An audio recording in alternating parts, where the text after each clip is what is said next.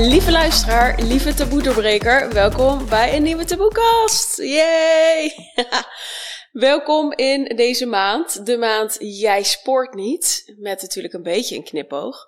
En tegenover mij weer een prachtige dame, Merel, van harte welkom. Dankjewel. En jij bedankt dat jij vandaag jouw verhaal wil komen doen. Ja, tuurlijk. Wil jij jezelf meteen voorstellen? Ja, tuurlijk. Mijn naam is Merel, ik ben 23 jaar en um, de afgelopen paar jaar ben ik eigenlijk vanuit een heel diep dal um, eigenlijk naar een hele hoge top gekomen en daar kom ik nu wat over vertellen. Ja, nou dat is heel snel. Ja. Um, wat doe, hè, want daar gaan we natuurlijk zo op in, Mhm. klopt. Wat uh, doe jij op het moment en wie ben jij verder dan, Ja. uh, dan alleen dat? Tuurlijk. Um, nou, ik studeer op dit moment. Ik ben dus 23 en ik doe gewoon nog een HBO-studie. Uh, maar naast mijn studie ben ik bezig met een platform, dat heet Sneller Kwetsbaar. Waarbij ik eigenlijk jongeren wil inspireren om sneller iets kwetsbaars te delen over hun mentale obstakels. Of ze nou groot zijn of klein, dat maakt me allemaal niet uit. Ja. Um, maar ik heb best wel zelf ook ervaren, en ik zie het om me heen ook, dat er heel veel uh, taboe ligt om er maar over te praten. En dat wil ik eigenlijk um, doorbreken en daar mensen een plek voor geven. Ja. Nou ja, dat is natuurlijk ook hoe wij elkaar hebben leren kennen. Ja. En mensen misschien denken, oh, ik ken Merel, dat is van de Instagram Live geweest. Ja, zeker. Ja, super mooi. Hey, en jou, hey, dit is natuurlijk niet voor niets dat je dit zelf bent gaan doen. Want ik kan me voorstellen dat dat een eigen gemis is geweest. Ja, klopt. Um, wat, wat had jij eraan gehad als dat er al was geweest? Nou, ik denk dat het voor mij een stukje erkenning had gegeven. Een stukje van, oh, ik ben niet de enige. Want dat dacht ik heel de tijd. Dan begon met bijvoorbeeld people pleasing. En dan dacht ik, oh, maar ja, ik weet niet. Ik heb hier nog nooit iemand over gehoord, dus ik zal wel de enige zijn. Ik zal wel raar zijn. En um, op een gegeven moment dacht ik, ja, als achteraf gezien, als er nou iemand tegen mij had gezegd, ik was altijd zo, ik deed altijd aan people pleasing. En dat was eigenlijk om niet afgewezen te worden. En dat was eigenlijk omdat ik heel onzeker was over mezelf. En dat als je daar nu niet iets aan gaat doen, dan wordt het alleen maar erger met een kans op een depressie of een eetstoornis of iets in die richting. En dat had misschien wel een, hele, een heel groot ding kunnen zijn wat voor mij voorkomen had kunnen worden. Ja, nou super mooi dat je dat dus nu wil doen. En je vertelt natuurlijk ook al eventjes hier uh, vooraf al wat jouw uh, plannen zijn. Ja. Wil je daar nog iets over delen? Nou, ik vind het um, ontzettend bijzonder om te zien hoe in de maatschappij er heel vaak um, niet over gesproken wordt. En ik denk dat je niet jong genoeg kan beginnen met praten over dingen zoals emoties. Um, maar ook gewoon niet alleen maar over de toffe dingen die gebeuren. Maar ook over, joh, ik zit in een dipje.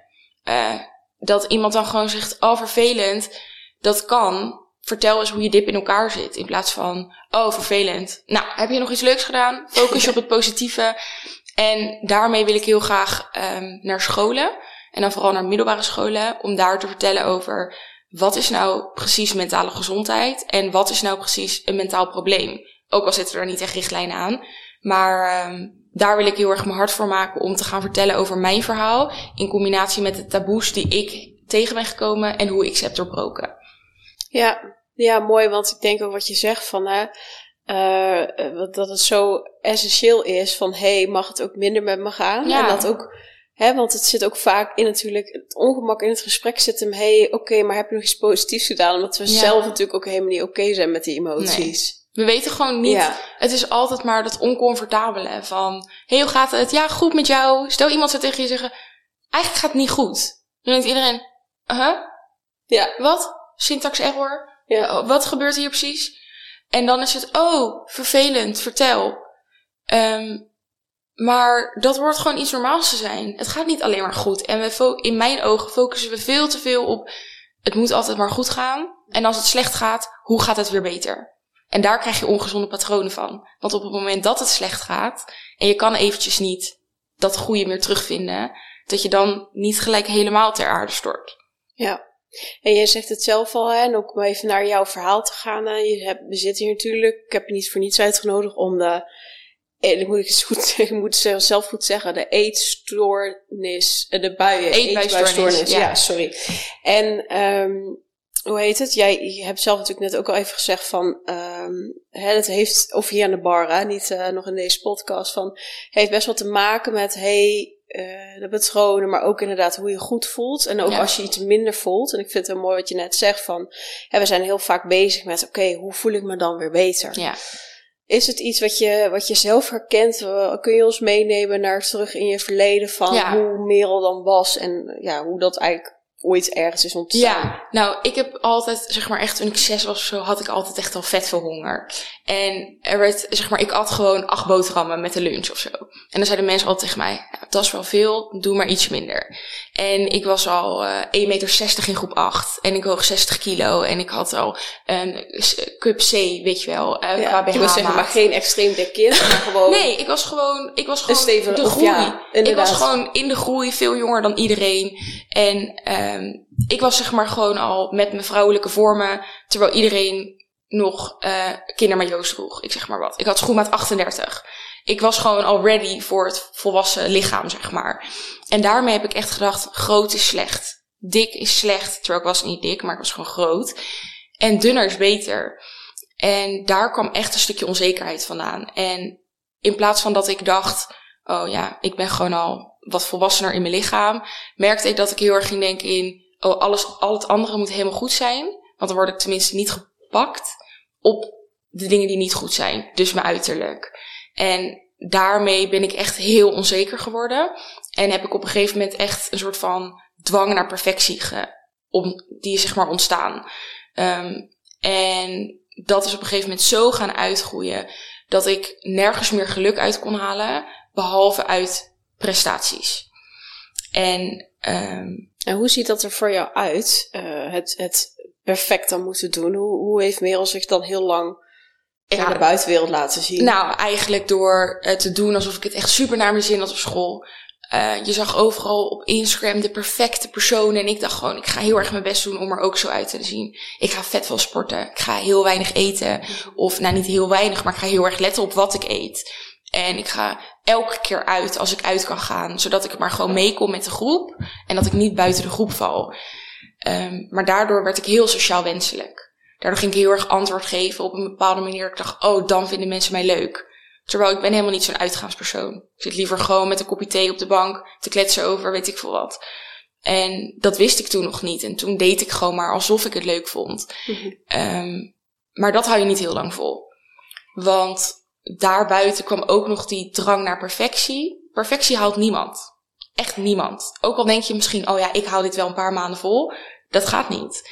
En toen merkte ik op een gegeven moment afwijzing naar afwijzing, teleurstelling na teleurstelling naar mezelf. En dat is gewoon niet leuk. En wat was, of je noemt het heel bewust van, de, ik kreeg afwijzing naar afwijzing, dan vooral van mezelf. Ja. Waar gaat hem dat dan in zitten? Um, bijvoorbeeld, ik ging uit en dan kregen al mijn vriendinnen kregen bijvoorbeeld aandacht van jongens. En ik dacht dan, ik krijg het niet. Oh, dus ik ben lelijk. Of, oh, ik kan niet sociaal flirten of zo.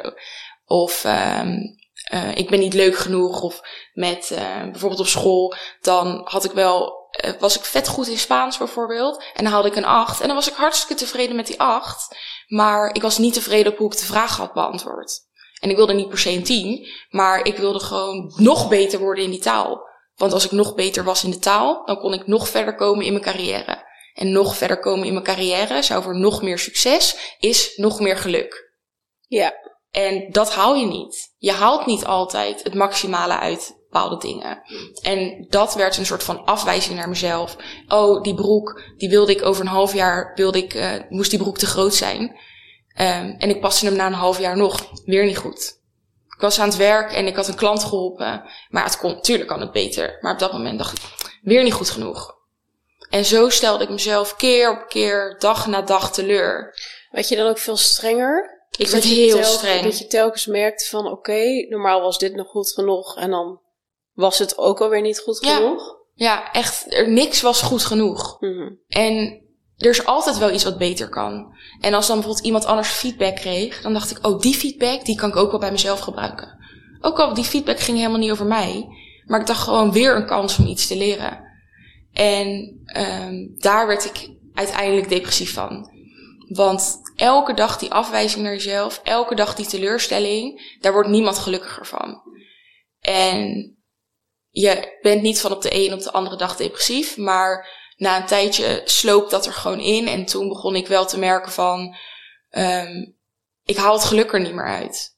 Ik voel me echt ongelukkig. En die, dat besefmoment ging eigenlijk tegelijk met de groei aan hoeveelheden stiekem eten.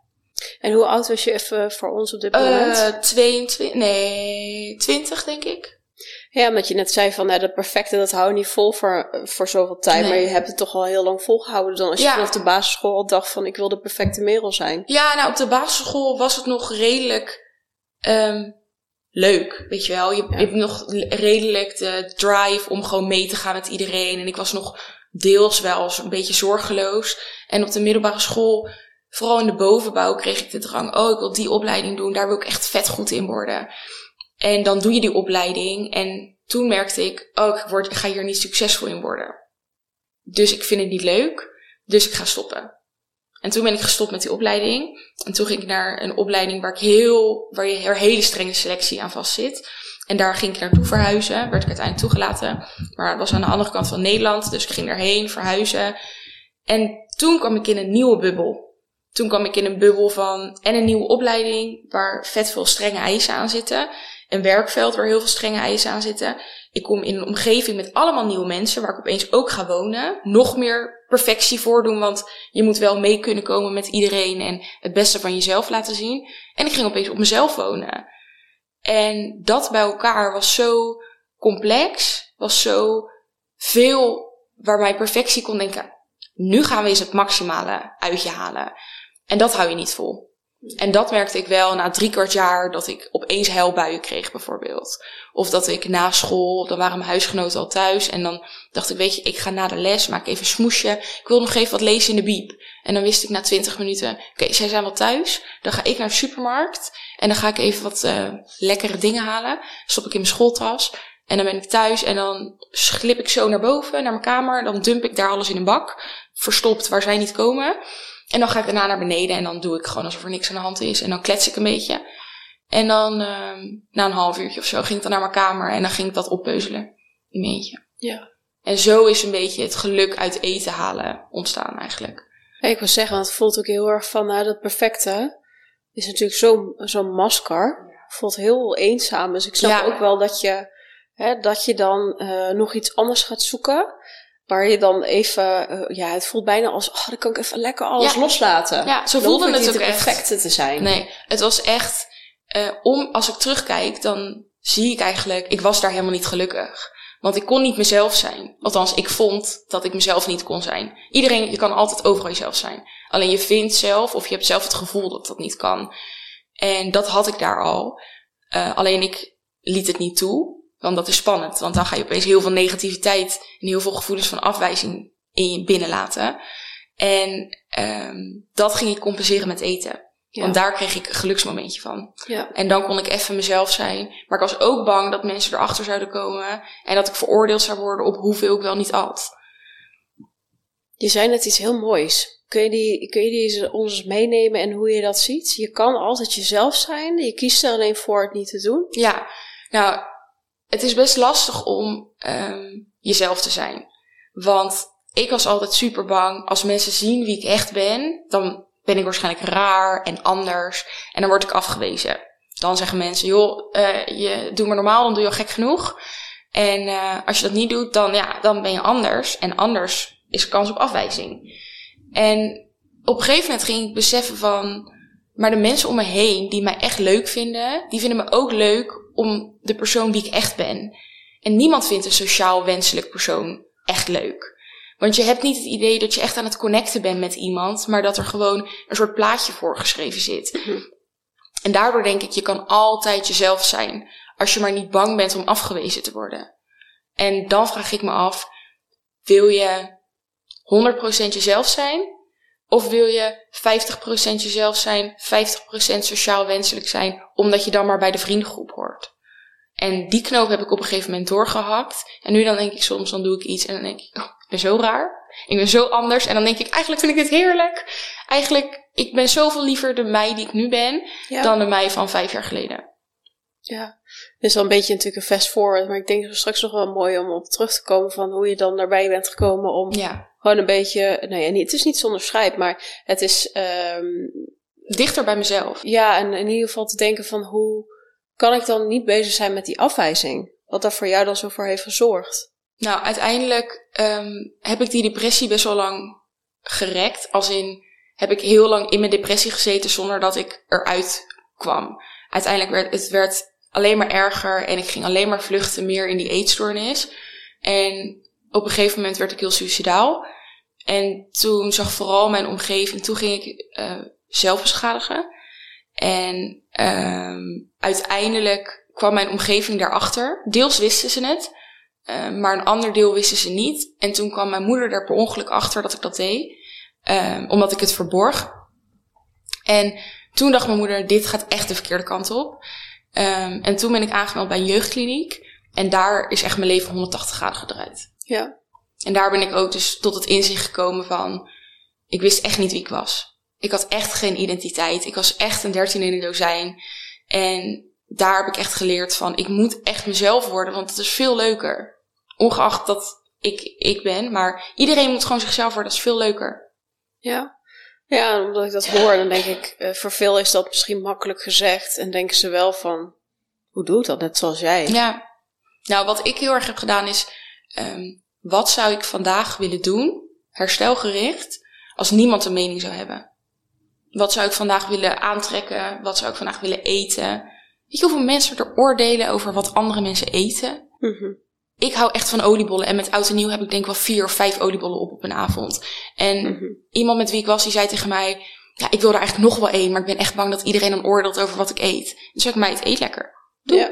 De mensen die oordelen, die moeten zich echt druk maken om iets anders. Maar ga doen wat je het liefste doet zelf. Zolang het herstelgericht is, maakt het echt niet uit. ja, want dat noem je wel heel bewust, herstelgericht. Ja, Niet elk gedrag maar gewoon te gaan doen en eh, denken van, oh, ik heb hier zin in en dan, nee. ja, doe maar. Ja. Dus wel, je hebt er wel over nagedacht, Ja. natuurlijk. Ja, je moet er echt over nadenken, want je maakt heel snel ook foute keuzes van. Als niemand eh, een oordeel zou hebben, ja, Mhm. luister, dan kom ik niet naar mijn werk vandaag hoor, want ik heb echt geen zin vandaag. ja, Ja, precies. dat is niet echt herstelgericht. En eh, misschien moet je ander werk gaan zoeken dan. Ja, dat is sowieso een hele goede. Ook werk doen wat je leuk vindt, maar Ja, nee, maar even, en even terug naar jouw verhaal. Wat jij noemt eigenlijk net best wel snel van, oké, en toen eh, hè, kreeg ik depressieve gevoelens en ik heb daar lang, lang mee gelopen. Hoe was dat dan als student en hoe, want je, in, dat, in die tijd volgens mij ben je alleen maar meer naar binnen gegaan en Ja. alleen maar meer gaan vluchten in de dingen die jij dan deed. ja, klopt. Hoe zag dat eruit? Nou, ehm, mijn depressieve gevoelens kwamen eerst gewoon met huilbuien. En ik dacht echt, ik weet niet wat er aan de hand is, maar ik ging mezelf heel erg opsluiten in mijn eigen kamer. Ging smoesjes bedenken van dat ik extra wilde leren. Terwijl mijn huisgenoten deden dezelfde opleiding in hetzelfde jaar als ik. Dus die zullen ook wel gedacht hebben van, nou, ik weet niet wat er met haar aan de hand is, maar oké. Ehm, en op een gegeven moment ging ik me steeds meer opsluiten. En ging ik steeds vaker huilen. Kreeg ik echt huilgevoelens als ik in het weekend vanuit mijn huis van mijn ouders helemaal naar de andere kant van Nederland af moest reizen voor de week bij mijn studie. Ehm, dat ik daar echt met een knoop in mijn maag naartoe ging. Je lichaam geeft zoveel signalen aan van het werkt niet, het werkt niet, het werkt niet, maar ik wilde het gewoon niet zien. En, En wat bedoel je, het werkt niet? Überhaupt de studie? Of? Nee, gewoon het, het leven wat je nu leeft. Ja. Het werkt niet. Je, mijn lichaam gaf al aan dat ik een knoop in mijn maag kreeg, dat ik kortademiger werd, dat ik heel moe werd. Als je soms gewoon moet huilen, out of the blue, dan is er vaak onbewust iets aan de hand wat je nog niet doorhebt. En ehm, tijdens mijn studie werd het alleen maar erger. Ik kon zelf mijn boodschappen doen, dus ik kon zelf inkopen wat ik wilde. Nou, er ging een hele hoop ongezonde meuk mee naar huis. En op het moment dat ik me dan verdrietig voelde, dan ging die ongezonde zooi open. En dan kon ik daar even een geluksmomentje uithalen. Maar ja, de verpakking is leeg. En dan, ja, dan is de, de shit, sorry, is niet opgelost. Mhm. En daarin kwam ik in die negatieve spiraal. Ik werd, bleef veel langer in bed liggen. Op een gegeven moment was er corona. Dus dan heb je al meer vanuit huis de mogelijkheid om langer in bed te blijven liggen. Om minder de draad op te pakken. En ehm, op een gegeven moment ging ik naar stage. Waar ik, waar ik het beste uit mijn stageplek wilde halen. Want ik wilde succes halen op de werkvloer. En dat ging zo erg in strijd met me. Aan de ene kant, mijn depressie die wilde niet. Die wilde alleen maar in bed blijven liggen. Maar die drang naar perfectie, die wilde zo graag het maximale bereiken. dat het een continue strijd werd. Daardoor werd ik nog moeier. En op een gegeven moment dacht ik, ik ga nooit. Op een gegeven moment had ik een gedachte dat ik dacht, het is echt niet goed. Toen dacht ik, um, als ik zelfs al niet mijn stageopdracht goed kan uitvoeren, hoe ga ik dan ooit succesvol worden? Hoe ga ik dan ooit een partner vinden die mij leuk vindt als ik niet eens succes op de werkvloer kan halen? En als ik het nu hoor, dan denk ik, ben je gek? Want mensen om je heen vinden je niet leuk om wat je bereikt. En als dat wel zo is, dan moet je echt andere vrienden zoeken. Maar mensen zoeken, het gaat niet om die dingen die je bereikt, het gaat om de persoon die je bent. En omdat ik daar heel onzeker over was, ging ik heel erg die externe bevestiging zoeken. Ja, het voelt ook wel in die tijd, hè, wat je zegt van, hè, dan ging ik langer op bed liggen of ik had minder structuur en dan ga je juist ook ongezonde dingen eten. Ik kan me ook voorstellen dat het heel erg versterkt. Ja, nou de ongezonde, ik probeerde wel gezond te eten. Maar wat ik eigenlijk probeerde was, ik probeerde makkelijk te eten. Mhm. Want in mijn depressie had ik zo weinig energie, dat zelfs een vork optillen was echt al te veel. En er kostte zoveel energie dat ik, als ik dacht in de ochtend, ik zet uh, theewater aan, dan was ik eigenlijk al moe van het wachten op het theewater. Dan dat ik ook nog energie had om mijn kop op te drinken en te blazen, zodat mijn thee ging afkoelen. Um, en omdat ik dacht, jezus, ik kan dit niet eens. Ik kan niet eens normaal een ontbijtje voor mezelf maken. Want mijn vork optillen is al te veel moeite en een kop thee zetten is al te veel moeite. Wat doe ik hier nog? Um, maar dan dacht ik, ja, waar ik wel gelukkig van word, is eten. En in plaats van dat ik dan, omdat ik geen energie had, lekker ging koken, ging ik naar de Albert Heijn en dacht ik, weet je wat ik ga doen? Ik pak gewoon alles wat ik lekker vind, dat doe ik in mijn mandje en dan ga ik straks thuis comfortabel lekker dit allemaal opeten. Uh, zeg ik nu heel genuanceerd, maar wat ik eigenlijk dacht was niks. En ik ging er gewoon naartoe en het was allemaal op de automatische piloot. Hmm. Pak, pak, pak, pak, pak. En dan zag ik het bedrag bij de zelfscan. Want ik durfde echt niet bij de, bij kassa. de kassa. Dan kon je betrapt worden. Ja, want oh, dan is ze weer. ja, precies. Want je bent altijd bij diezelfde supermarkt. Want dat was maar vijf minuten lopen en meer energie had ik niet. Um, en dan zien mensen mij en dan denken ze zo, die gaat lekker uh, eten. Met een paar vriendinnen waarschijnlijk. Dat, dat mag ik hopen dat ze dat dacht. Maar ondertussen was ik hartstikke bang dat ze dacht, oh, daar gaat ze weer. En uh, dan zag ik dat bedrag bij die zelfscankassa en dan dacht ik, 20 euro? Maar oké, okay, prima. En dan ging ik naar huis en dan at ik het gewoon helemaal op. En daar kun je echt wel een hoop slecht voedsel voor kopen. Want ik pakte alle prijsstoppers of zo met die blauwe duimpjes. En dan at ik dat gewoon op. En dan soms dacht ik, uh, Merel, vandaag doen we even rustig aan. We nemen er uh, één van alles, bijvoorbeeld. En dan bewaarde ik het in mijn kledingkast, zodat mijn huisgenoten het niet zagen. En dan uh, betrapte ik mezelf een keer dat ik in de keuken alles aan het uitruimen was, wat ik niet had gekocht voor de eetbui, zeg maar. En dat ik toen dacht, hè? Die gevulde koekenverpakking, die heb ik net gekocht, maar zijn er nu al drie uit. En dan had ik gewoon in die vijf minuten lopen, 30 seconden in de lift en die tas eh, niet eens uitpakken, maar openmaken, had ik al drie gevulde koeken gegeten. En toen dacht ik echt, hè? Nee, ik heb ze niet opengekocht. Dat kan niet. Maar ik was niet eens meer bewust van het feit dat ik dat soort dingen aan het eten was. de automatische piloot wil jij? 100% automatische piloot. Hey, jij zegt van, uh, ik deed best wel wat dingen echt gewoon stiekem om te verbergen. Maar ik kan me ook voorstellen, en dat, dat ligt een beetje in je huisgenoten, hoe ze dan met je communiceren. En natuurlijk ook hoe, want je bent waarschijnlijk heel gesloten geweest in je verhaal te horen. Ja. Is er wel iemand die ooit iets aan jou heeft gevraagd? Of thuis, je ouders? Ja, zeker. Um, Kijk, ik ben van mezelf, ondanks mijn mentale problemen van vroeger, een heel open persoon. Ik ben echt een open boek. Je mag me alles vragen, ik geef overal antwoord op. Alleen ik wist gewoon niet hoe ik erover moest praten. Dus wat ik deed, als een vriendinnetje bijvoorbeeld aan mij vroeg: hey, hoe gaat het met je? Dan zei ik: Ja, ik was liever dood, maar ik zit er nu toch. Dus hoe is het met jou? En achteraf denk ik echt, iemand zou dat tegen mij moeten zeggen. Ik zou echt denken, Sorry, wat? en later zei zij ook, ik wist echt niet hoe ik daarop moest reageren. Maar ik bracht het wel, maar ik bracht het met een soort van, nou, humor kan je niet eens noemen. Maar met een soort van donkere touch van, kom maar niet dichterbij, want ik wil het er eigenlijk helemaal niet over hebben. En als ik het erover had, dan was ik zoveel aan het zenden dat ik eigenlijk niks zei. Nee, maar het was ook niet vanuit je gevoel waarschijnlijk. Nee. Het was gewoon, ik inderdaad, ik wil dood, voel me slecht, boem. Ja. Daar zit natuurlijk niks van gevoel bij. Nee. Dus kan iemand ook niet mee verbinden Nee. waarschijnlijk. Dus En ik ook al, snap wel. hebben, ja, ook al hebben mensen het echt wel geprobeerd, hè. Want ik heb echt, de mensen die er toen voor me waren, die zijn er altijd voor mij geweest. En die Ja. zijn er nog steeds. Ehm, maar het is heel moeilijk te praten met iemand die niks zegt. En ik zei wel iets, maar geen inhoud. Ik sprak niet vanuit mijn gevoel. Ik zei echt niet hoe ik me voelde. Of ik zei ook niet, eh, ik heb echt eetbuien. Nee, ik zei, ik word er gek van. Ik kan niet eens douchen, want daar heb ik geen energie voor. Dat zei ik. Ja, dat is uiteindelijk niet het probleem. Nee. Je zit natuurlijk niet voor niets, hè, de eetbuisstoornis. En dat was iets omdat jij zei van, dit vind ik zo belangrijk dat dit besproken wordt. Ja. Omdat we vaak alleen maar de, de, de standaard, hè, bijvoorbeeld anorexia, nou, is ook in de aflevering geweest, ben ik ook dankbaar voor, want het mag ook besproken worden, Absoluut. zeker. Ehm, maar dat dit zo'n, ehm, ja, dat is voor zoveel, ik denk in de meeste gevallen dames, maar dat is misschien een beetje op de invulling, zullen ook Ja. mannen zijn, ehm, die dit hebben. En dat je het heel belangrijk vindt om dit bespreekbaar te maken. Is het iets waarvan jij zegt van, oh, had het mij geholpen als ik dit inderdaad eerder had geweten? Ja. Of, want her, je, hebt, je, je vertelt net eigenlijk, het was zo automatisch dat er al drie koeken in mijn, in mijn mix zaten. Ja. Ik had het niet eens meer door. Nee, dat klopt. Ik weet dat ik ehm, in mijn depressie had ik verschillende therapieën. En eentje daarvan was activatie. En dan stelde je een doel voor jezelf voor de aankomende week. Wat, nou, en dan zei, iemand, zei ik, ja, ik eet zoveel. Ik eet echt. En dan vertelde ik weer, ja, dan zaten er al drie koeken in mijn mik. En dan dacht ik alleen nog maar, die bitterkoeken, die moeten ook nog. En eh, dan ligt mijn hele bed vol kruimels. Zo vertelde ik. Maar ik vertelde niet, ehm, ik voel me echt ongelukkig. En ik ben echt heel verdrietig. En het enige momentje dat ik me gelukkig voel is als ik eet. Dat zei ik allemaal niet.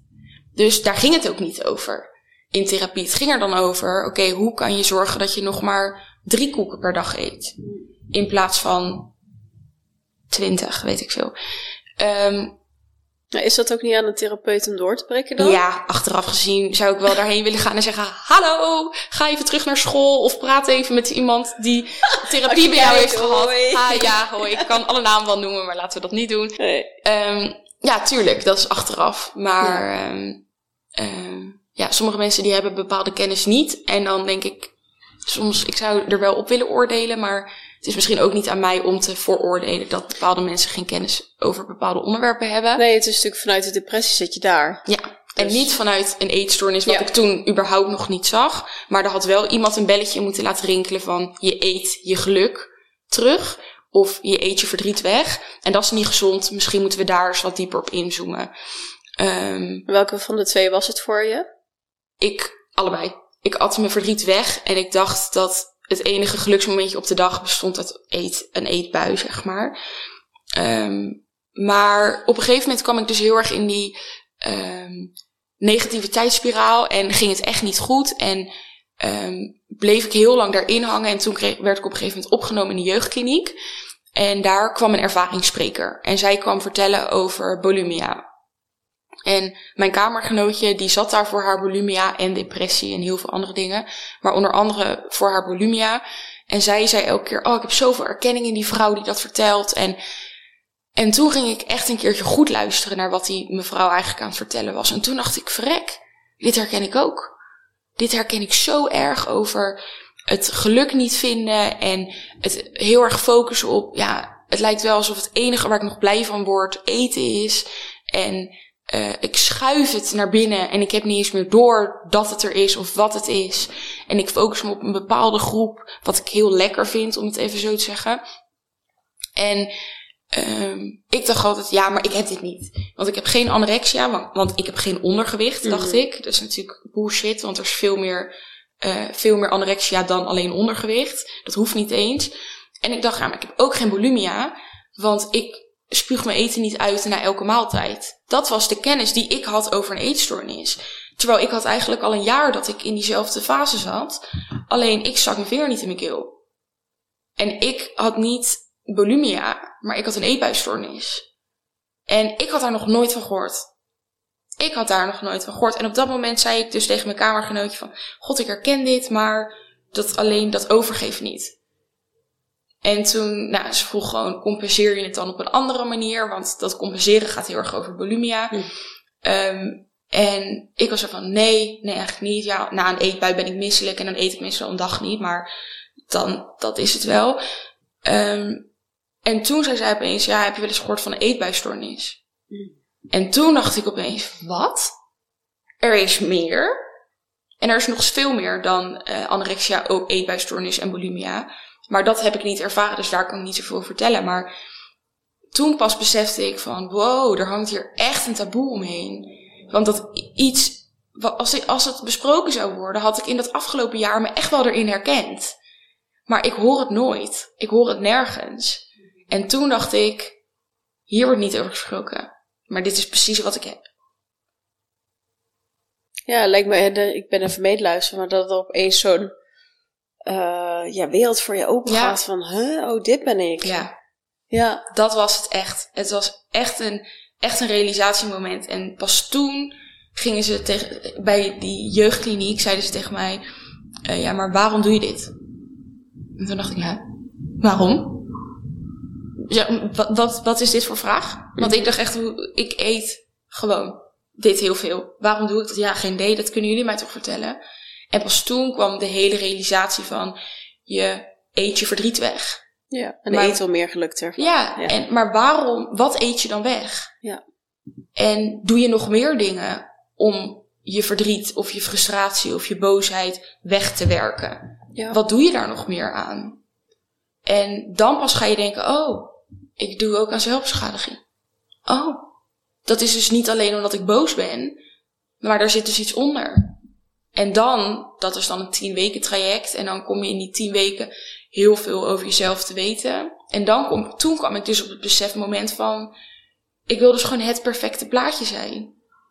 En daar ben ik naar op zoek. En dat kan ik niet volhouden. Want dat is voor niemand, niemand is perfect. Niemand kan perfect zijn, ook al wil je het zo graag. Maar dan kom je op een, op een kantelpunt dat je dus denkt, oh, ik snap het nu.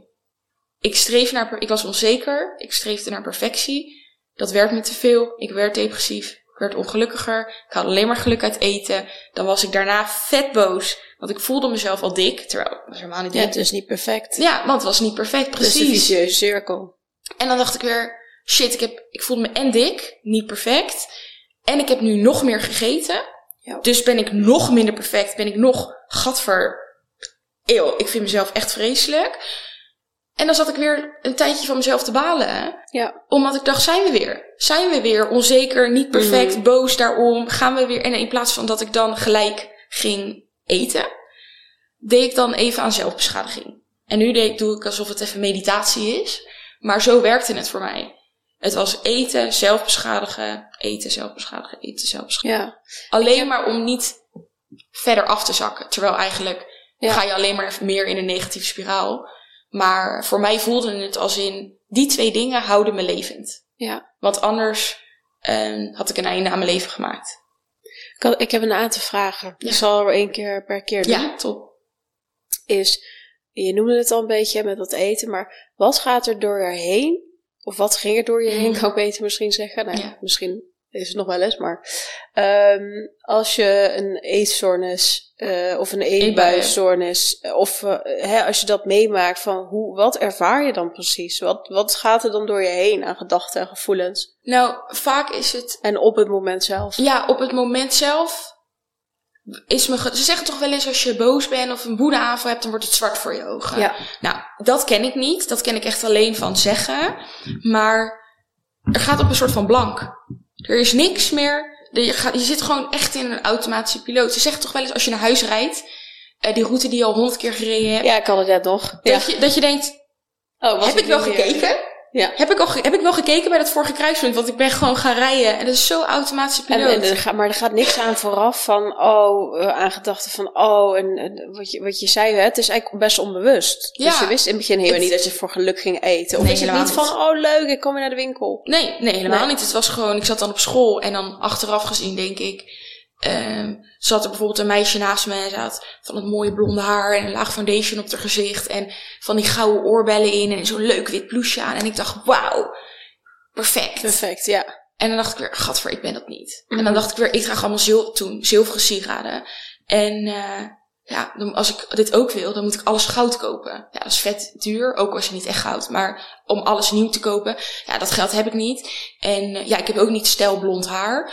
En ja, ik, kan, ik heb wel foundation op mijn gezicht, maar als ik naar mezelf kijk in mijn camera, dan zie ik allemaal uh, ja. imperfecties. En dat heeft zij niet. En dan voelde ik zo erg die afwijzing bij mezelf opkomen van, zie je, weer niet goed genoeg. Dat ik dan merkte, wat gebeurt er? Ik stuur in de huisgenotenchat, hey, we zijn allemaal om drie uur klaar. Normaal fietsen we samen naar huis, maar um, ik ga nog even bij de biep een boek halen. Willen jullie wat hebben? En dan was het, oh, we kunnen wel op je wachten. Dan dacht ik, shit, nee, want ik wil eigenlijk stiekem naar de supermarkt. Um, maar uh, nee, hoeft niet, want ik ga hem daar even lezen ja, je bedenkt maar wat. Ja. En ik wist toch wel dat zij niet mee wilde een boek lezen in de biep. En ja, het is maar 10 minuten fietsen, dus fiets lekker naar huis. En dan na 20 minuten in de biep wist ik wel, ik zat daar gewoon met een boek hè, voor de show. Te wachten. Ja. En toch ook echt naar de biep. ja, en dan gewoon in de biep en dan gewoon een random boek pakken van de plank. En dan of hem openslaan of gewoon wegleggen en even een beetje op je telefoon. Maar in de ruimte van de biep. En dan wist ik na 20 minuten, zij zijn thuis. Ook al zouden ze misschien naar de supermarkt gaan, dan zijn ze nu wel al thuis. Als ik dan ga fietsen, dan kan ik naar de supermarkt. Ging ik in mijn hoofd al bedenken, hm, lekker. Nee, dacht ik eigenlijk niet. Ik dacht niet, hm, lekker wat ga kopen. Ik dacht gewoon, turbo standje supermarkt. Grits, grits, grits. In mijn tas, afrekenen naar huis. Thuis, boven in de la. En dan even smoesje, beneden eventjes socialize. Of, wat ik vaak zei is, ik ben zo moe. Even een dutje doen. Ik ga even een dutje, even Netflix en een dutje doen. En dan ging ik eten. En ach, op dat moment was ik me van geen kwaad bewust. Was ik niet bewust van, oh, ik ben onzeker door de meid naast me. Oh, ik wil ook zo perfect zijn, maar het lukt niet. Oh, ik ga een smoesje bedenken. Oh, dat smoesje misschien nog een beetje. Maar dan naar de supermarkt, dan allemaal ongezonde dingen kopen. Dan dacht ik alleen maar, gadverdamme, ga ik weer dik worden. Maar dan loop je wel naar de gezonde dingen. Maar dan werd ik daar eigenlijk nog verdrietiger van. En dan kocht ik uh, twee appels en een peer. En dan ging ik weer naar mijn favoriete afdeling. En daar pakte ik alles wat ik maar kon pakken. Ja. En dan wist ik, het enige wat ik dan wist is, ik moet lepel mee van beneden smokkelen. Want ik kocht dan bijvoorbeeld ook pudding of vla of gewoon blikken slagroom. Maar dat kan niet zonder lepel, dat wordt moeilijk. Dus dan kocht ik gewoon, toen mocht dat nog, plastic lepels. En dan nam ik die gewoon weer naar boven. En dan nam ik een eigen vuilniszak. En dan als zij bijvoorbeeld naar huis waren, of ik zei dan, zal ik het afval buiten zetten? En dan smokkelde ik mijne naar beneden. En dan die vanuit de keuken. En dan viel het niet op. Het is allemaal zo voorbedacht. En het is uh, precies het plannetje. Het is ondanks dat je het heel zegt van hè, op het moment zelf heel onbewust naar binnen. Is het wel allemaal berekenen. En ja, hè, hoe je ook al nadenkt van oh, dan zijn zij misschien in een supermarkt geweest. Maar dan komen ze niet meer tegen. Ja, ja. ja het lijkt me heel energierovend ja, om uh, de hele tijd zo moeten plannen. En, ja. uh, hey, jij zei zelf hè, van in, in, in dat moment eigenlijk niet bewust. Daarna werd je er bewuster van, want dan ging je jezelf straffen. En jij zei zelf van, hè, daar kwam eigenlijk de zelfbeschadiging op een gegeven ja. moment ook nog bij. Nou, het is, wat heel veel mensen zeggen is straffen, maar dat was het voor mij niet. Okay. Ik heb, zeg maar, ik baalde daarna van, gadverdamme, ben ik nog dikker. Um, dan dat ik al voor, daarvoor al was, wat een complete illusie was, want dik, dat is een heel ander begrip in mijn hoofd. Maar um, wat er, um, hoe zeg je dat? Wat er gebeurde bij mij was frustratie. Ik was zo boos en weer gefaald, weer niet perfect. Zo ga je je einddoel nooit halen. Ja, het klonk als een straf, hoe je het net zei. Ja, en het is. Maar het, het is, meer frustratie. Het is echt dan. frustratie. Dat ik echt dacht bij mezelf: Jezus, weer verpest, weer mislukt, weer gefaald. En omdat ik met dat verdriet en die frustratie niet kon zitten, ging ik zelf beschadigen. Om dan maar al mijn frustratie wat in mijn lijf zit eruit te krijgen. Mm -hmm. En wanneer is dat gestart? Um, nou, ik denk. Weet je nog de eerste keer dan? En, en wat is dan wat je doet? Um, nou, wat ik, ik vind het altijd heel lastig om te zeggen wat ik deed in zelfbeschadiging, omdat ik. Um, het voelt altijd alsof als ik het nu vertel, wat ik heb gedaan, alsof ik het op een presenteerblaadje aanreik mm -hmm. voor misschien een kijker of een luisteraar die ook denkt: hmm, misschien is zelfbeschadiging de oplossing. Het is nooit een oplossing. Het is altijd korte termijn geluk en lange termijn problemen. En praten over je problemen werkt precies andersom. Dat is korte termijn voelt het als een probleem en lange termijn is het altijd een geluk. Omdat je er altijd verder mee komt, want iemand anders kan je hulp aanbieden die je zelf niet had kunnen geven. Um, wat ik, en als je luistert of kijkt en je denkt nu, hmm, wees eerlijk naar jezelf en zet het even uit of spoel het even door. Um, maar wat ik deed, ik beet mezelf en ik kraste mezelf. En um, waarom ik het zo belangrijk vind om het eigenlijk, om het echt met een disclaimer te vertellen, is omdat ik het niet zelf heb bedacht. Ik heb zelf ook een keer in een serie, of dus meerdere series, verschillende vormen gezien, waarvan ik dat onbewust heb onthouden. En dat ik een, um, ik heb gezegd dat ik suicidaal ben geweest. En dat ik dat ooit een keer bij RTL Boulevard of RTL Late Night bedoel ik, heb ik een keertje iemand daarover horen vertellen dat een vader heel boos was dat een bepaald iets verkocht werd. En op dat moment dacht ik echt niet, oh, dit moet ik onthouden voor als ik misschien ooit over tien jaar suicidaal word. Maar op een of andere manier is het blijven hangen. En toen ik tien jaar later suicidaal werd, toen dacht ik wel daar gelijk aan. Mm um, maar um, dat, dus daarom vind ik het altijd wel moeilijk om het te zeggen. Maar daarbij leg ik dan nu een stukje van verantwoordelijkheid bij de luisteraar. Om eerlijk te zijn van, oh, ik vind dit misschien moeilijk. Of um, laat ik het dan zo zeggen, ik leer de les eruit dat ik erover moet praten. In plaats van het op een foute manier in mijn eentje oplossen. Ja. Um, maar dat is iets wat er altijd lastiger aan blijft. Ja, ik wil zeggen, want we hadden het hier van tevoren natuurlijk over. En uh, dat ik ook zei van, hè, van bij jou is het ook zo gegaan dat je net een serie hebt gezien. Ja. Alleen ik denk dat de, door het niet te bespreken, is het juist weer dat we het in de taboe sferen brengen. En uh, dat, het, dat het er wel bij hoort en wat iemand ermee doet. Kijk, uiteindelijk kunnen we nooit de verantwoordelijkheid dragen. Nee. En ook niet wat wij hier allemaal bespreken in deze serie. En ja, er kunnen heel wat mensen misschien op slechte ideeën komen. Ja. Want ja, we hebben het vorige maand ook over drugs gehad en verslaving. Ja, misschien zijn er sommige mensen die het leuk, die denken, oh nou, misschien moet ik het ook maar gaan proberen. Ja. ja, weet je, dus ik denk dat het heel goed is wat je zegt en dat het altijd met een disclaimer is. Maar dat het ook wel mooi is, omdat heel veel mensen dan denken aan snijden. En jij noemt bijvoorbeeld bijten. Ja. Wat ik ook wel weer iets vind, want bij mij zat dat ook altijd zo in mijn hoofd van het is alleen maar snijden. Ja, en wat ik, ik weet nog dat ik in de jeugdkliniek, moet je daar op een gegeven moment iets over vertellen. En uh, dat is super moeilijk, want ik had geen idee. Ja, ik dacht, wat moet ik er nou over zeggen? En wat ik dan vertelde was het heel erg verheerlijkend. Weet je wel, van het is zo fijn, want dan is mijn opluchting. Uh, dan is de frustratie eruit echt een opluchting. Nou, toen kreeg ik uh, denkbeelden gelijk drie klappen naar mijn hoofd van zo praat je er niet over. Want je verheerlijkt je verslaving. Mm. En dat is het laatste wat je mag doen, want zo hou je je eigen verslaving in stand.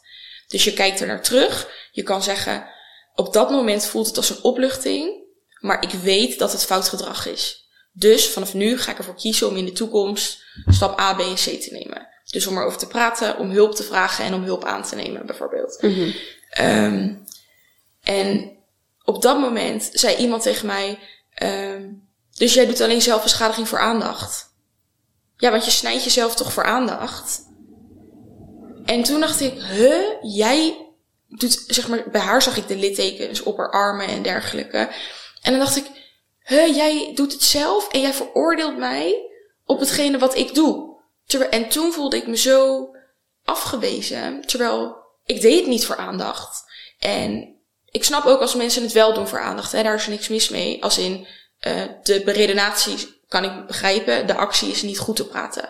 Maar doordat er zo ook weer een taboe is en dat iedereen denkt bij zelfbeschadiging aan snijden en aandacht of jezelf straffen, dacht ik op dat moment ook weer van, huh, ik ben toch niet de, de enige die dit doet. Ik deed het vanuit frustratie.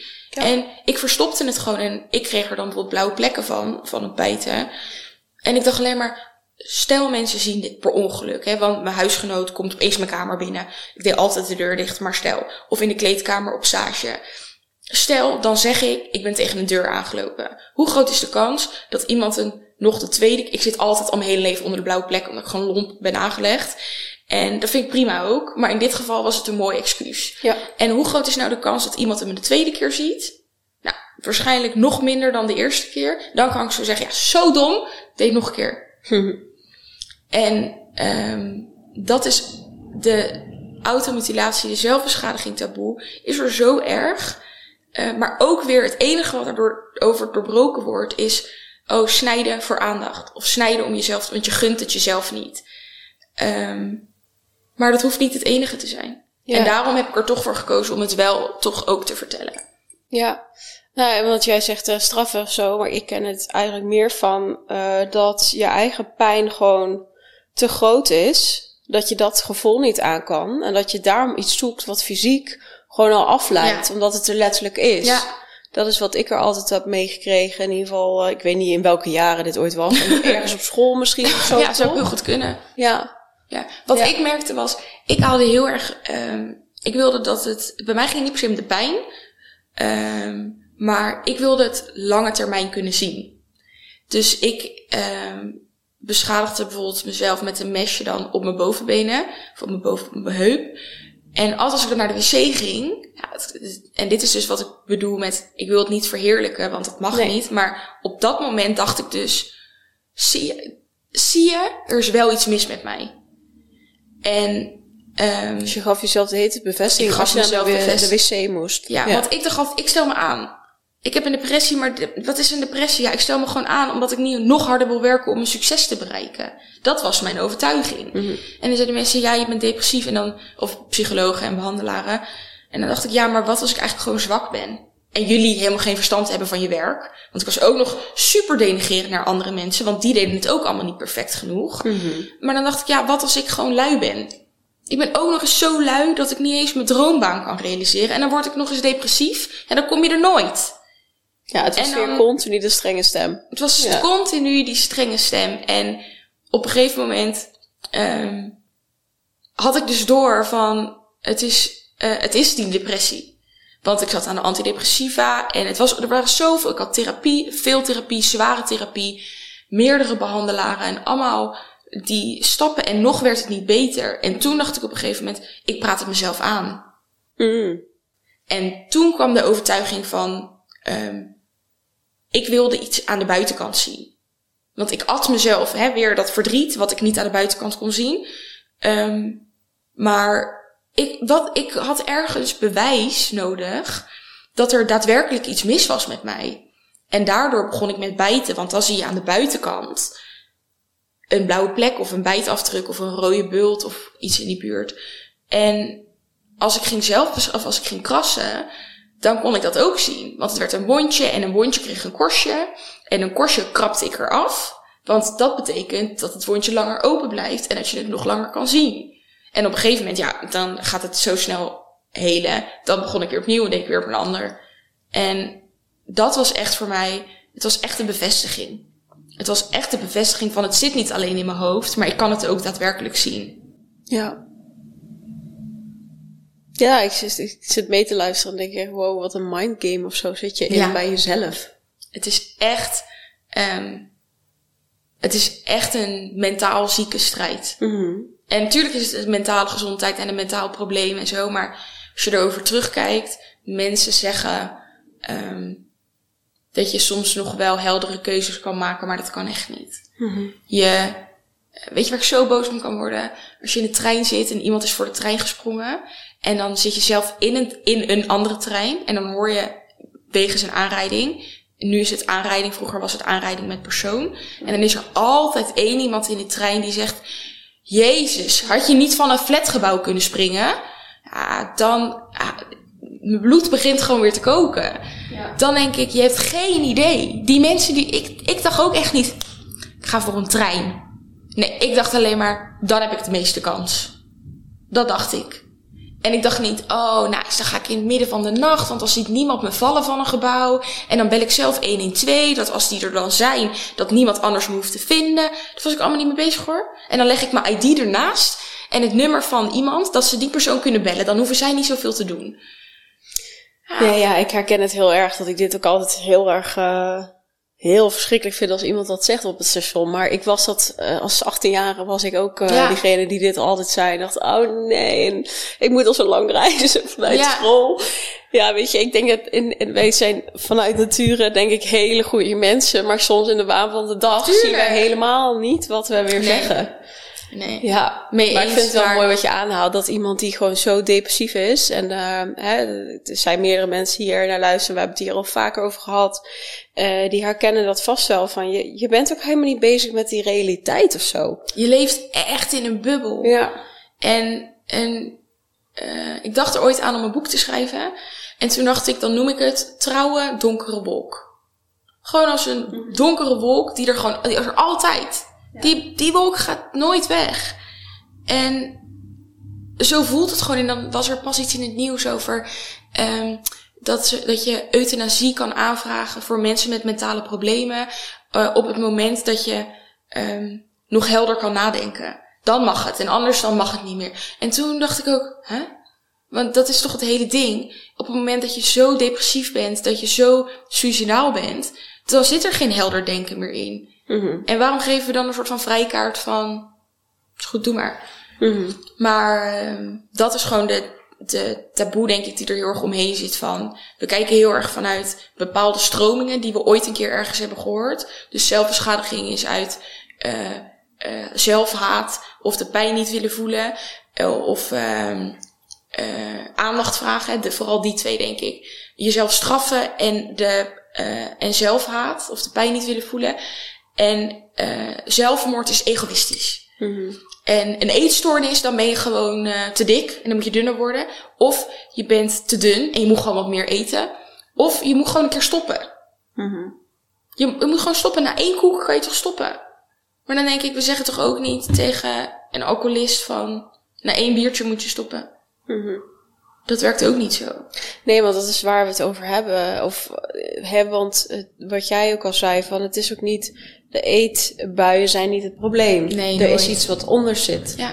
En ik denk dat we dat dus moeten gaan zien in de samenleving. Dat dat ook de reden is, denk ik, waarom jij dit soort dingen vertelt. Waarom ik dit soort dingen doe. Is omdat er een verhaal achter iets zit. Ja. En dat niet aan de buitenkant. Aan de- kijk, als we alles op de oppervlakte zien, dan denk je... Huh, eet wat meer, Ja. laat het biertje staan. Ja. ja dat, dat was Daar het gaat allemaal het niet zo om. makkelijk. Nee, ja. het gaat echt om het verdriet wat eronder zit. Mhm. het, de, een bepaalde pijn niet willen voelen. Het is echt een manier van vluchten. En ik wilde vluchten met mijn zelfbeschadiging van die frustratie. Ik wilde vluchten van, ik kan de bevestiging niet uit mezelf halen. Dus ga ik krassen. Ik kan, ik ben zo boos op mezelf, maar ik ben niet comfortabel met de boosheid en het verdriet voelen. Dus ik ga bijten. Omdat ik dan maar zo, eh, die frustratie eruit krijg. Mhm. En ik ging heel veel eten, want dat was het enige geluk wat ik ervaarde. En je, daarom, het is heel moeilijk om in je eentje te stoppen. Want je kan het niet alleen. Ik zeg altijd, je hoeft het niet alleen te doen, maar je moet het zelf doen. Mhm. Maar je kan niet, je, je kan niet denken, oké, maar dan stop ik na twee koeken. Nee, want je zit in een bui, je wil, dat, je wil vluchten van je verdriet. Maar je moet met iemand gaan uitzoeken, waar komt dat verdriet vandaan? Ja.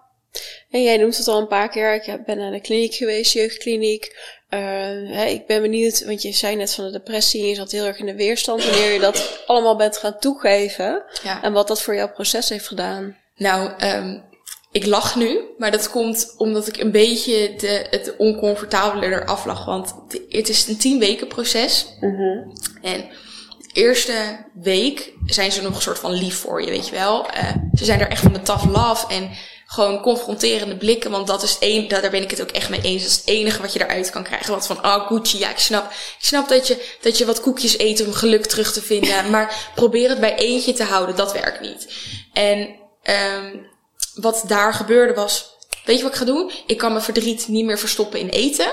En ik wil er nog steeds niet over praten. En ik kan mijn verdriet niet stoppen in zelfbeschadiging. En ik kan mijn verdriet niet stoppen, wegstoppen met eh, eh, heel veel werken bijvoorbeeld. Ehm, dus wat ga ik doen? Ik ga ehm, het van me afschrijven. Nou, en toen ging ik echt kantjes, want je hebt geen computer, geen telefoon, niks. Ging kantjes, schrijf mijn hele verhaal, waar ik boos over was, dat het allemaal niet goed was. En dan gooide ik het gewoon weg, want toen was ik er vanaf. Hm. En op een gegeven moment zag mijn behandelaar dat. En toen zei ze, lever al je spullen maar in. Je mag een hele week niet schrijven. En dan krijgt iedereen in je omgeving krijgt het te horen van je, alle mensen met wie je in een groep zit. Je kamergenootje en dat soort dingen. En ehm ze zei, ja, Merel mag niet schrijven, want ze praat niet over de problemen. Toen dacht ik, dat betekent dat ik er nu over moet praten? Nou, hell no, ga ik echt niet doen.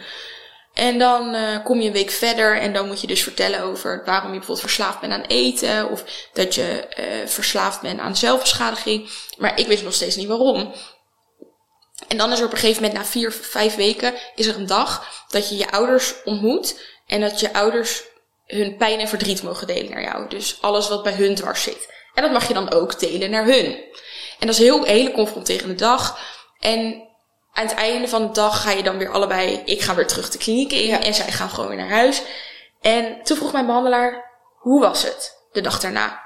En ik zei, nou zo leuk, want mijn moeder die had verteld dat mijn drie beste vriendinnen kwamen eten. En ik was ondertussen al heel onzeker, want ik dacht, ja, ik zie mijn vriendinnen tien weken niet. Misschien denken ze wel, jezus, wat een moeilijke meid met al die mentale problemen, die laten we links liggen.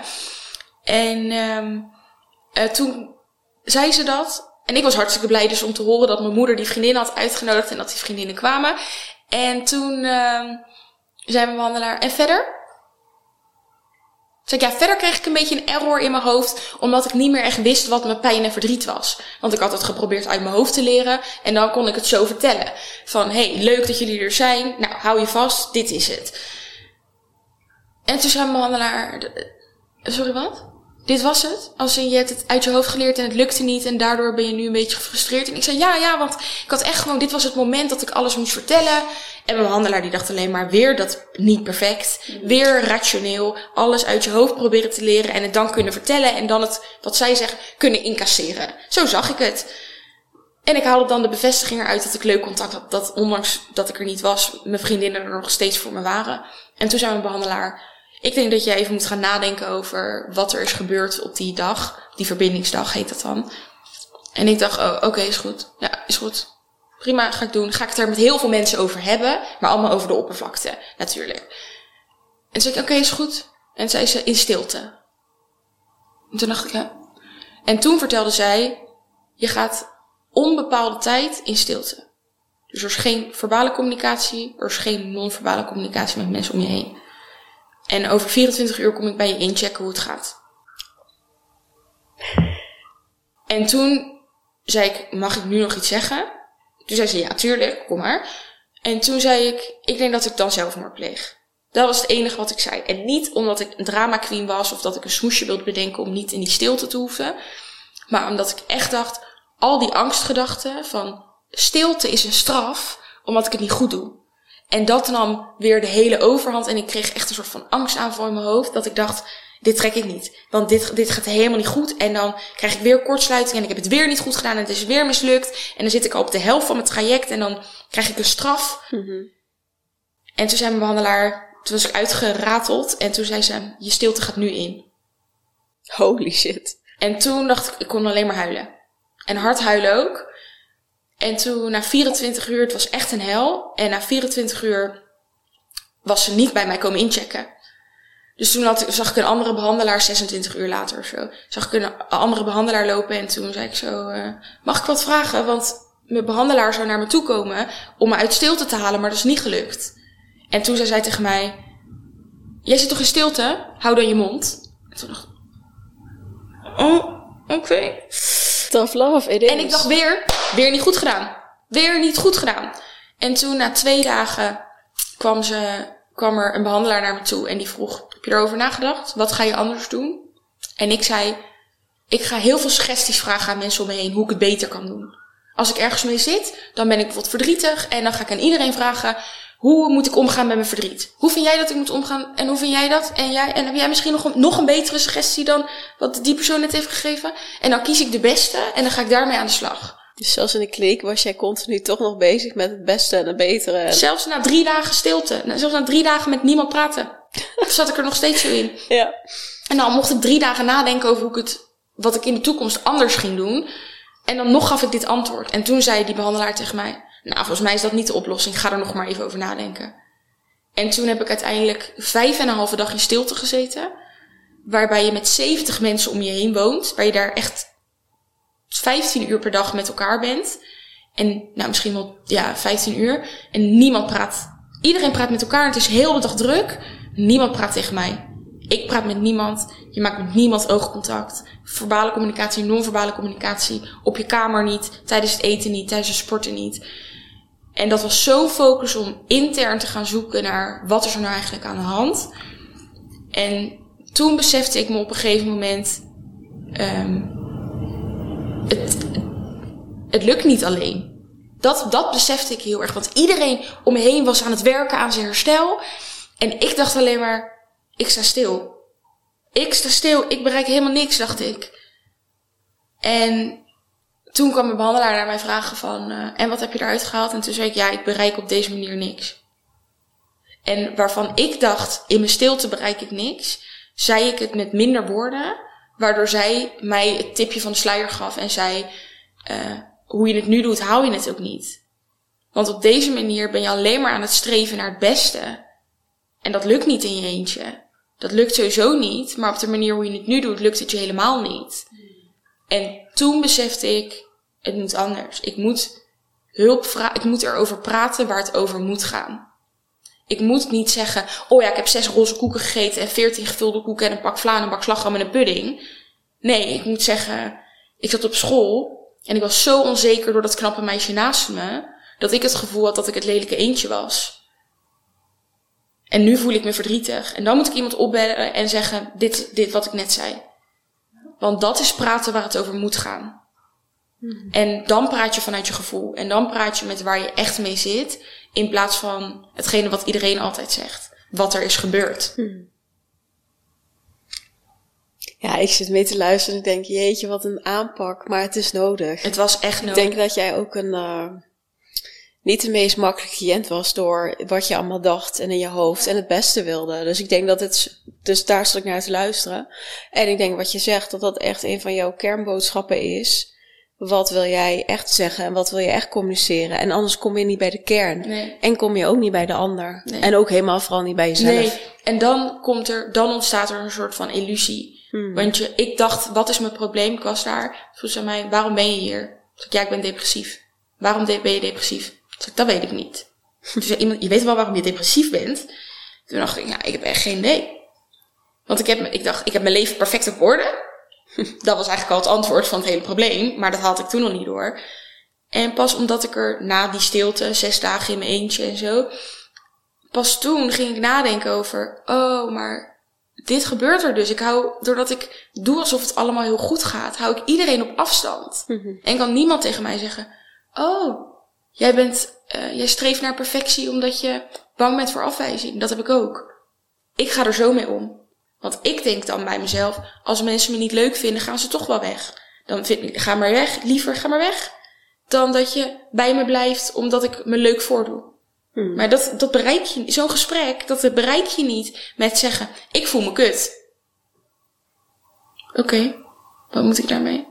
Ja, wat zeg je precies ook? Ja. ja. En pas op een, ja, en ja, ik heb twintig roze koeken gegeten, want ik was verdrietig. Ja, dan moet iemand vragen, waarom ben je verdrietig? Ja, weet ik ook niet. Ja, het is heel uh, Ja, het leven is zo, ja, het is heel defensief. En op het moment dat je je kwetsbaar durft open te stellen, is echt niet makkelijk in het begin. Uh, en sowieso, ik denk heel leven dat het een opdracht is, omdat we het zo niet kennen. Nee, het is, het is iets heel engs, want als jij je kwetsbaar openstelt, dan kan de ander jou daar misschien op pakken en je daarop afwijzen. Ja, heb je hard trappen. Ja. ja. En dat zijn we niet gewend, maar ik ben er echt achter. Zonder kwetsbaarheid is er geen geluk. Ja, ik ben het helemaal met je eens. Ja. Het is er niet. Want je verstopt jezelf achter een masker van dapperheid of moed of iets dergelijks. Het is er niet. Je hebt niet echte gesprekken met mensen op het moment dat ze altijd maar op de oppervlakte blijven. En dat hoeft echt niet over de koetsje en de kalfjes te gaan, maar over als je ergens mee zit en je blijft altijd maar veilig op de oppervlakte, zonder dat er agressie of een traan of uh, frustratie aan te pas komt, dan, dan heb je het niet over de kern. Ja. En dat is het moment dat je in de, even terug naar jouw kliniek, dat, dat daarna wel is gaan veranderen en dat je nog ja. heel mooie progressie hebt gemaakt waarschijnlijk. Ja, en dat was echt niet makkelijk in het begin. Want ik zat daar in een hele veilige omgeving waar 70 fellows om me heen continu bezig waren met kwetsbaarheid. En de ene leert het in week 2 en de ander, zoals ik, in week 7 en de ander pas in week 10. Maar op een gegeven moment zit je om je heen met allemaal mensen die kwetsbaarheid ambiëren. En dan kom je buiten in de, in de boze mensenwereld en niemand doet dat meer. Ga dan maar eens volhouden. Maar ik ben er wel achter doordat ik het probeer vol te houden omdat mijn leven voor mezelf anders niet draagbaar wordt, gaan mensen in mijn omgeving het ook eerder doen. Want ze denken wel, oh, Merel die oordeelt er niet over. En daardoor durf ik het bij haar te vertellen. Of is zij vrij om het bij mij te vertellen. Mm. En ik hoop dat mensen, of dat nou door mijn Instagram-platform is of door persoonlijke gesprekken met mij, mensen dat ook weer uitstralen naar anderen. En dan krijg je die nieuwe cultuur waarbij kwetsbaarheid heel normaal is. Om met een bepaalde mensen, hè, je hoeft niet met iedereen in de supermarkt je hele kwetsbare verhaal te vertellen, maar Ja. uiteindelijk is wel mijn doel om het kwetsbare in de maatschappij meer toe te laten. En je hoeft je niet altijd groter voor te doen dan dat je bent. Want daar los je de kern, het kernprobleem niet mee op. Ja. Ja, ik denk heel mooi. Ik denk dat onze missie een beetje in elkaar snijdt. Maar Ja. omdat wij ook allebei hebben meegemaakt wat het doet. En wat er dus allemaal voorkomen kan worden, denk ik ook. Omdat we dus kwetsbaar durven zijn. Of ook verdrietig durven zijn. Of dat het dus niet perfect hoeft. Ja. Ja. hey Merel, mag ik jou vragen? Want we zijn al een tijdje bezig. Ja. Van wat is nou... Ja, want je hebt je eigen verhaal verteld. Super mooi. Ook eh, het echte probleem. Dus voor als mensen ook kijken of nog luisteren van oké. eh, een oproep naar jezelf misschien ook om daar eens naar te kijken. Ja, zeker. Wat is nou jouw grote droom over tien jaar? Of, nee, je zei net al, de cultuur te veranderen. Ja. Dat vind ik echt een hele mooie. Dat is En echt... voor jou persoonlijk, met je platform bijvoorbeeld. Nou, wat, ik het, wat mijn persoonlijke doel altijd zal blijven, is dat ik mentaal gezond blijf. En als, er, als dat op lange termijn betekent dat ik eh, moet stoppen met iets, wat het dan ook mag zijn, of het nou werk of privé is, dan kies ik altijd voor mijn mentale gezondheid. Want ik wil nooit terug naar waar ik vandaan kom. Echt nooit. En soms is dat best lastig, maar wat ik wil bereiken met mijn platform is die cultuurswitch is een heel groot woord, hè? Maar droom maar lekker groot, kan nooit groot genoeg. Precies. Maar ik zou gewoon graag willen dat er op scholen, in vriendengroepen, in families, in gezinnen, dat er ruimte is voor kwetsbaarheid. Gewoon op een manier van, oh je voelt je zo, wat vervelend, hoe voel je je dan precies? Gewoon het gesprek, er hoeft niet altijd een oplossing aan te zitten, Ja. maar kwetsbaar delen ehm, en dat het niet altijd perfect gaat, dat is heel menselijk. Mhm. En dat wil ik er uiteindelijk heel erg mee bereiken. Dat ik anderen kan inspireren ehm, om ehm, die kwetsbaarheid zelf te laten zien. En dat je niet hoeft te denken, oh, mijn probleem is niet groot genoeg. Mhm. Of eh, is veel te klein om het aan te geven. Ik wou zeggen, we zijn bijna aan het einde en het ligt wel Ligt uit. uit, ik zag het. Lekker symbolisch, maar nee, super mooi. En, eh, oh, en het gaat weer aan. Nou, de geesten zijn met ons. Ja, Mensen die luisteren, die denken, oké, wat gaat er allemaal daar mis? Maar goed, nee, super mooi. En eh, ik voel ook, eh, weet je, dat, dat hebben luisteraars ook wel gevoeld, hoe krachtig je bent. En eh, nou ja, hoe kwetsbaar zelf ook. En ik denk dat je, practice what you preach, dat je dat helemaal belichaamt. Dus dat is heel fijn om naar te luisteren. dankjewel. Ja, en ik hoop dat je op heel veel scholen ja, die pubers en, en die, eh, weet ik het, jongvolwassenen allemaal Ja. gaan inspireren met jouw verhaal. Dankjewel. Ik denk, eh, ik heb natuurlijk zelf voor de klas staan, dat daar zitten ook zoveel maskertjes. En dat hoort ook een beetje bij die leeftijd. Maar hoe fijn als zij dat al Ja. anders kunnen. En het hoeft niet, weet je wel, het hoeft niet in de klas. Je Nee, masker hoeft niet in de klas af. Maar ik denk altijd, dat is met een podcast ook, dat zijn ook van die dingen waarom ik dat doe. Het is altijd, ik zeg altijd, gebruik mij maar als reden. Weet je wel, zeg maar vanavond tijdens het eten.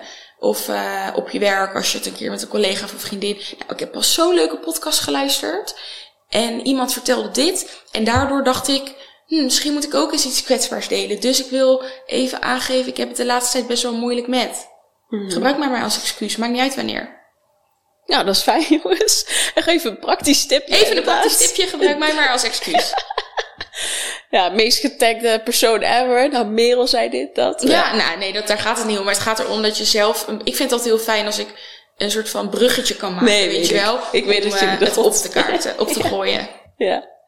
Ja, super bedankt voor je Jij verhaal. heel erg bedankt voor de ruimte. Ja, eh, ik denk dat het eh, ja, een super mooie aflevering is geworden. En mensen jou sowieso kunnen vinden, vinden via Snelle Kwetsbaar. Zeker via de. Instagram. Ja.